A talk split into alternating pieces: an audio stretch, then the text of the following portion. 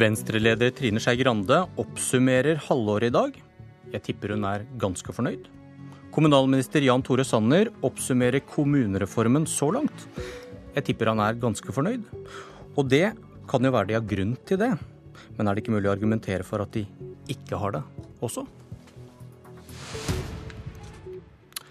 Oppsummering 1. Venstre, velkommen partileder Trine Skei Grande. Tusen takk for det. Bortsett fra at jeg vet at du hater å stå opp til Politisk kvarter, vil du si at du har grunn til å være fornøyd på en dag som dette?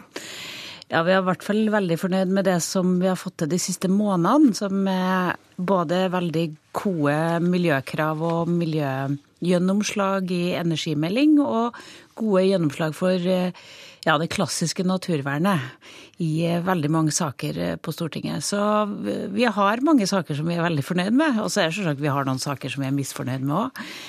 Og som hadde vært annerledes hvis Venstre har fått sitte ved bordet og bestemme. Hvis vi ser på to av sakene som er viktigst kanskje for partiet ditt. Først klima.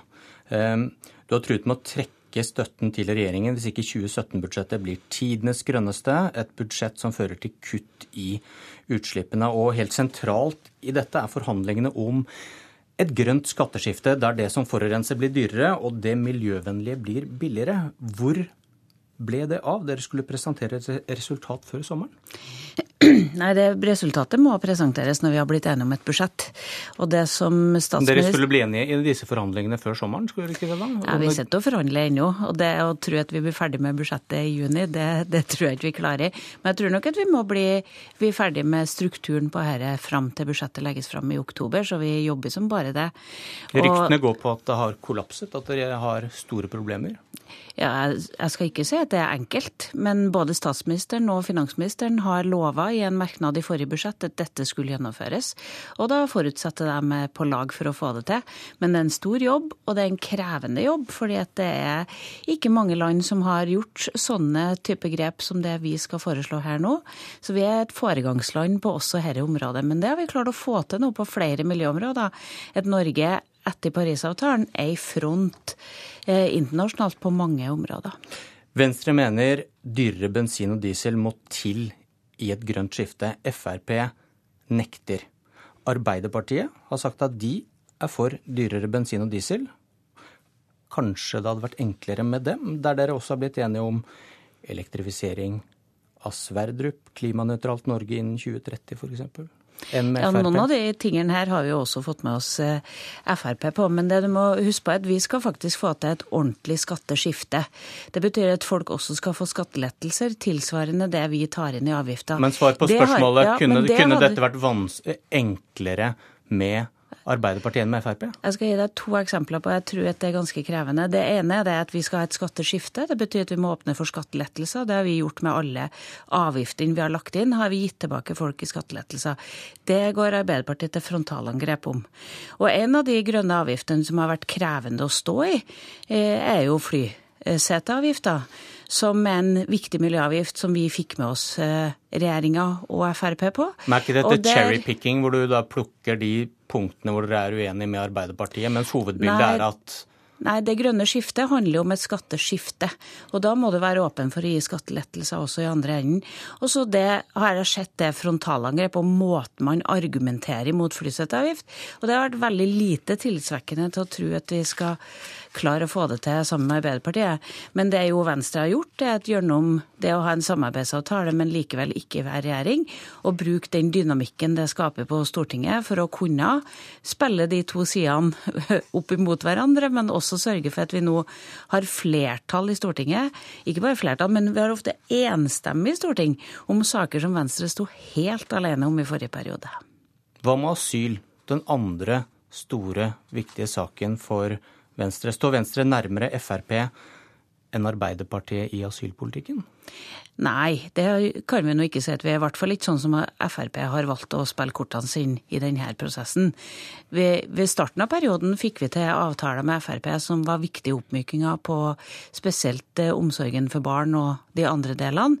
Eh, nå valgte Frp å være rene og blanke og heller tape, og de tapte med brask og bram.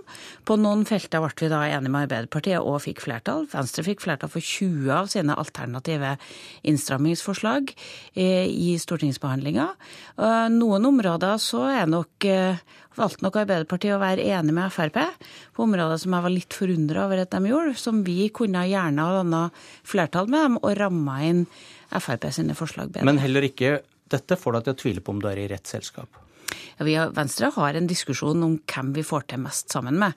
Og det som er lærdommen, og som vi vel skal legge fram i dag, er jo at f.eks. innenfor klima og miljø, innenfor satsing på kollektivtransport, eh, det at vi nå får ned prisene på månedskort på alle tog, det at vi får til de store satsingene innenfor jernbane, at vi får til å starte de store reformene i Norge som har vært viktige for å, for å effektivisere og gjøre den norske staten enda bedre, det har vi fått til. Men vi kommer alltid til å ha en debatt fram mot landsmøtet vårt. Og så tror jeg at da kommer vi til å bestemme hva er det viktigste å få gjort i neste periode.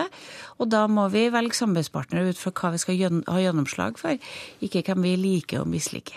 Du, Venstre var med på innstramminger i asylpolitikken, selv om en del da ble stanset i, i Stortinget. Og dere har vært opptatt av at folkeretten følges. Men på et av punktene dere stemte for, så er noe av oss redd for at dette ikke skjer. Eh, det gjelder da flyktninger som kan nektes familiegjenforening dersom de ikke har permanent opphold i Norge, og de har tilknytning til et tredjeland som er sterkere enn til Norge. og eh, så har dere fått inn da et punkt om at de ikke skal sendes tilbake til flyktningleirer. Men NOAH sier at dette gjelder et lite fåtall som bor i disse flyktningleirene, og at forholdene er mye verre utenfor. Ja, Venstre i komitéavgivelsen så sa vi at vi var for det.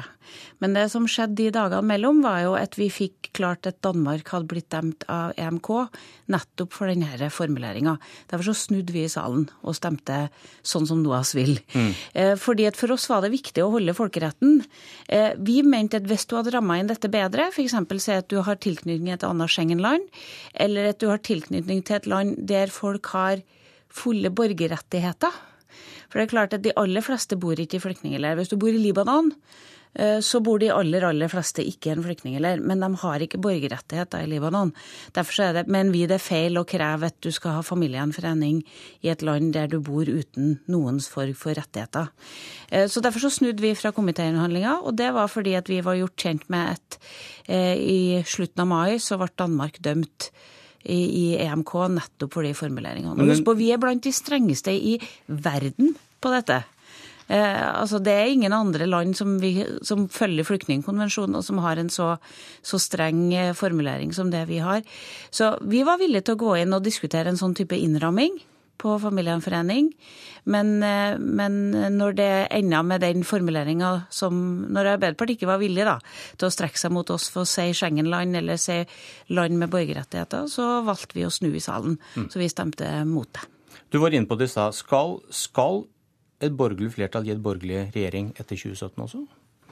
Eh, jeg tror nok at for Venstre er det saker som kommer til å, bære det samarbeidet. Så du vil ikke til... gjenta den garantien, altså? Jeg skal gjenta den garantien når Venstres landsmøte har bestemt seg eh, neste år.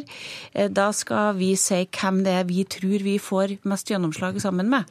Og Men vi skal... hører hvordan du snakker om Arbeiderpartiet her. Du ja, åpner ikke for å gi dem makt? Jeg er litt skuffet over at Arbeiderpartiet ikke har prøvd å bruke den friheten Venstre har med at vi bare har en samarbeidsavtale med regjeringa, for å kanskje prøve å komme oss i møte møte på viktige saker. Eh, på kommunereform så spurte vi kan ikke vi være med dere på å kanskje flytte mer oppgaver ned til kommunene. Eh, men de valgte å ikke være med på veldig mange sånne viktige reformer, der jeg syns at de har fått invitasjoner til oss som de ikke har vært interessert i å bruke. Og det har skuffa meg litt. Men hvis vi hører på deg nå om, eh, om klima, om asyl, og du vender ryggen til, fortsatt da til Arbeiderpartiet. Erna Solberg kommer ikke til å dytte Frp ut av regjering, og da blir det en stemme på Venstre en stemme på Frp i regjering. Hvis ikke ditt eget parti snur ryggen til deg, da. Ja, en stemme på Venstre, en stemme på Venstre. Eh, og... og Frp i regjering, hvis ikke du ønsker å gi mulighet for at Arbeiderpartiet får makt? Det er faktisk sånn at det er velgerne som bestemmer i Norge. Hvis velgerne bestemmer et sentrum for en større kraft, så må Erna velge sentrum foran ytre høyre. Det har hun sagt, det har hun sagt at hun ikke gjør. Hun, hun, kommer ikke til å velge bort Frp, sier hun. Ja, hun har nå vel sagt at hun ønsker et bredest mulig samarbeid på borgerlig side. Ja, Men da må dere og gå da, inn sammen med Frp. Og da må det jo handle det også om hvor stort sentrum faktisk blir.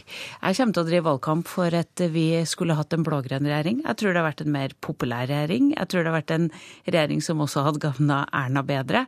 Eh, jeg håper jo at vi skal klare å få til det, men det er velgerne som bestemmer. Det er velgerne som bestemmer om det ytterste høyre fløy, eller om det også i sentrum skal være den kraften for å få til de endringene som vi må gjennom. Det sitter en ved siden av deg og nikker, men takk, Trine Skei Grande.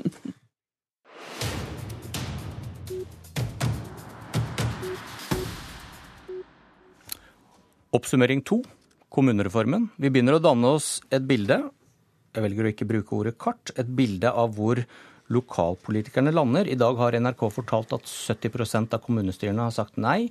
30% ja til sammenslåing. Og da er litt over halvparten av kommunene talt.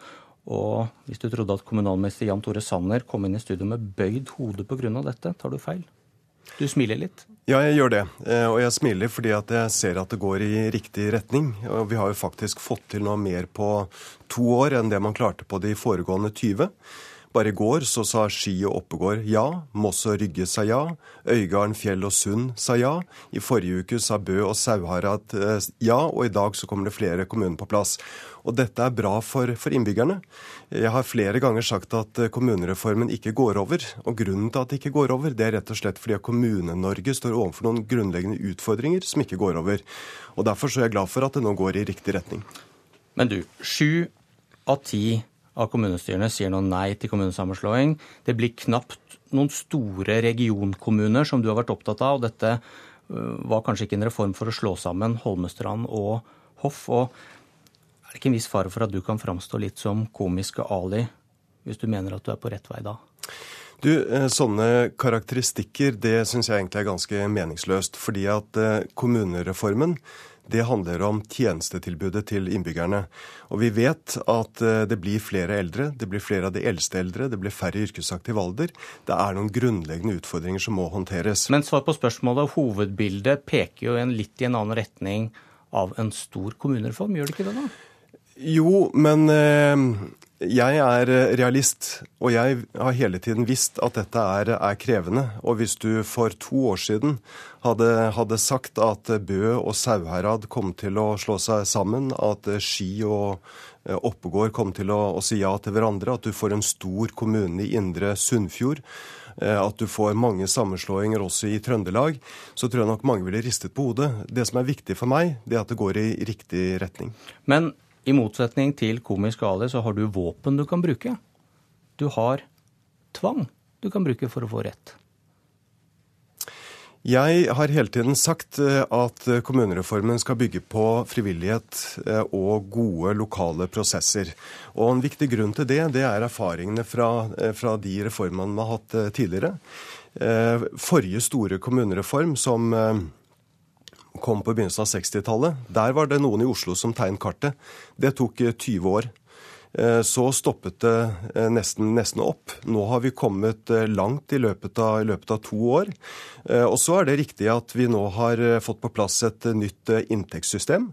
Og det gjør at de kommunene som fatter beslutningen i denne stortingsperioden, de får noen store økonomiske fordeler eh, som gir dem forutsigbarhet i mange år fremover. Men hvor lurt er det når du selv sier at denne prosessen den skal fortsette? Du er avhengig av, for å få en stor reform, at den skal fortsette.